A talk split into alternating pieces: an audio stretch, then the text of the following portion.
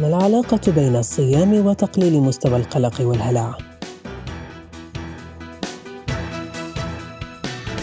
الاضطراب النفسي عادة ما يكون ناجما عن شعور طبيعي اعتيادي يتحول إلى معيق لسير مجرى الحياة الطبيعية، إذ يعتبر القلق شعور طبيعي يراود الإنسان من حين إلى آخر، أما إذا تكرر في أحيان متقاربة من غير سبب حقيقي وبات يعيق مجرى الحياة فهذا يعني تحوله لعيادي.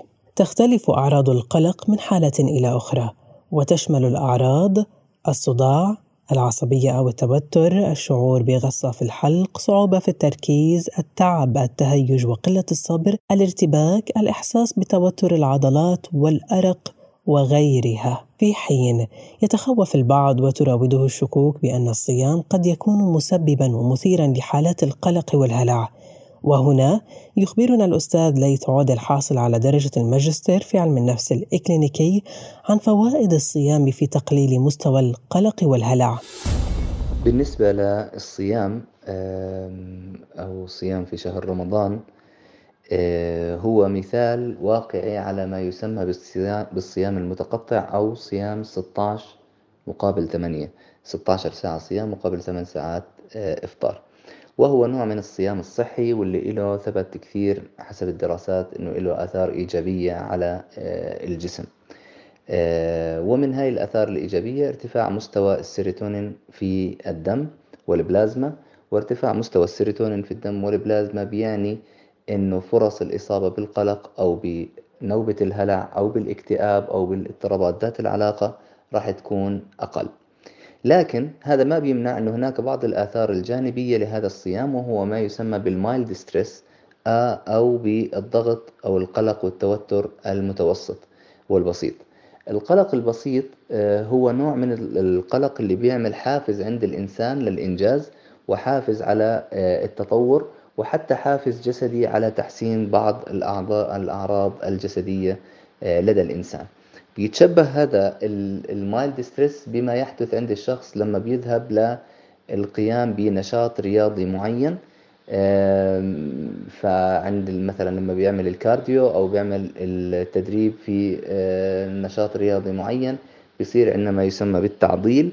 وهذا التعضيل هو آه، مفيد جدا لاحقا لتطوير قدرة الشخص على بناء العضلات أو الهدم والبناء اللي هي عمليات الأيض في الجسم وهذا بالضبط ما يحدث مع ال mild stress إنه بيساعدنا على إعادة بناء بعض الخلايا المهمة كيف لنا أن نفرق بين القلق البسيط ونوبات الهلع يحدثنا العودة؟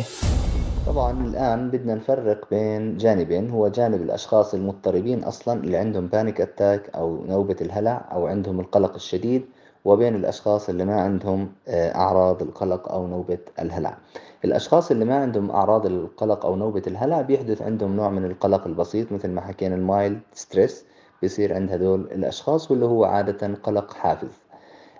بالمقابل الأشخاص اللي عندهم ال panic attack أو النوبات الهلع واضطراب القلق الشديد آه، هذول الأشخاص ممكن يتعرضوا لمشكلات أكبر آه، من خلال إنه فقدان السيطرة بسبب الصيام أو بسبب بعض هاي الأعراض.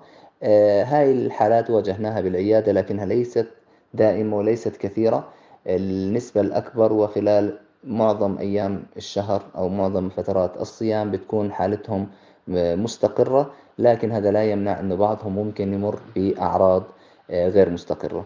لذلك بننصح هدول الأشخاص أنه ينتبهوا على ظهور هاي الأعراض مثل أنه ارتفاع مستوى القلق مثل المؤشرات السابقة لنوبة الهلع ومباشرة أنهم يتوجهوا إما للصيام للإفطار أو يتوجهوا لأخصائي الصحة العقلية ليساعدهم على منع الدخول في آه، نوبة الهلع أو آه، اكتساب مهارات التكيف مع نوبة الهلع والقلق آه، الشديد اللي ممكن يحدث مثلا بسبب نقص الأكسجين.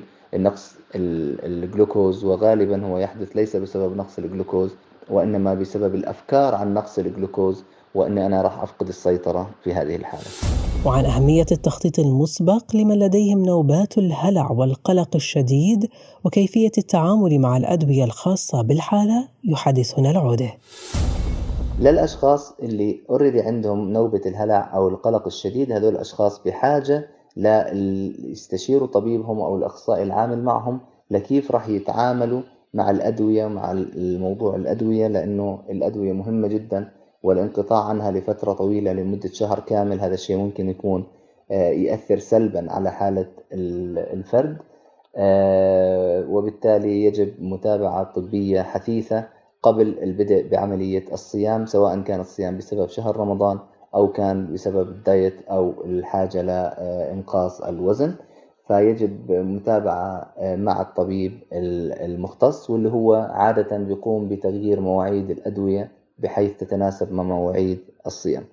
آه، في حال أنه كانت الأدوية آه، تتعارض مع فكرة الصيام ممكن أدوية بتعطي شعور أكثر بالجوع ممكن أدوية يصعب السيطرة على عليها أنه بحاجة لعدد جرعات أكبر بخلال اليوم. آه، فبالتالي بهاي الحالة يعني الطبيب راح يطلب من الشخص إنه يفطر وما يعني لحتى يحافظ على أدويته ويمنع الانتكاس.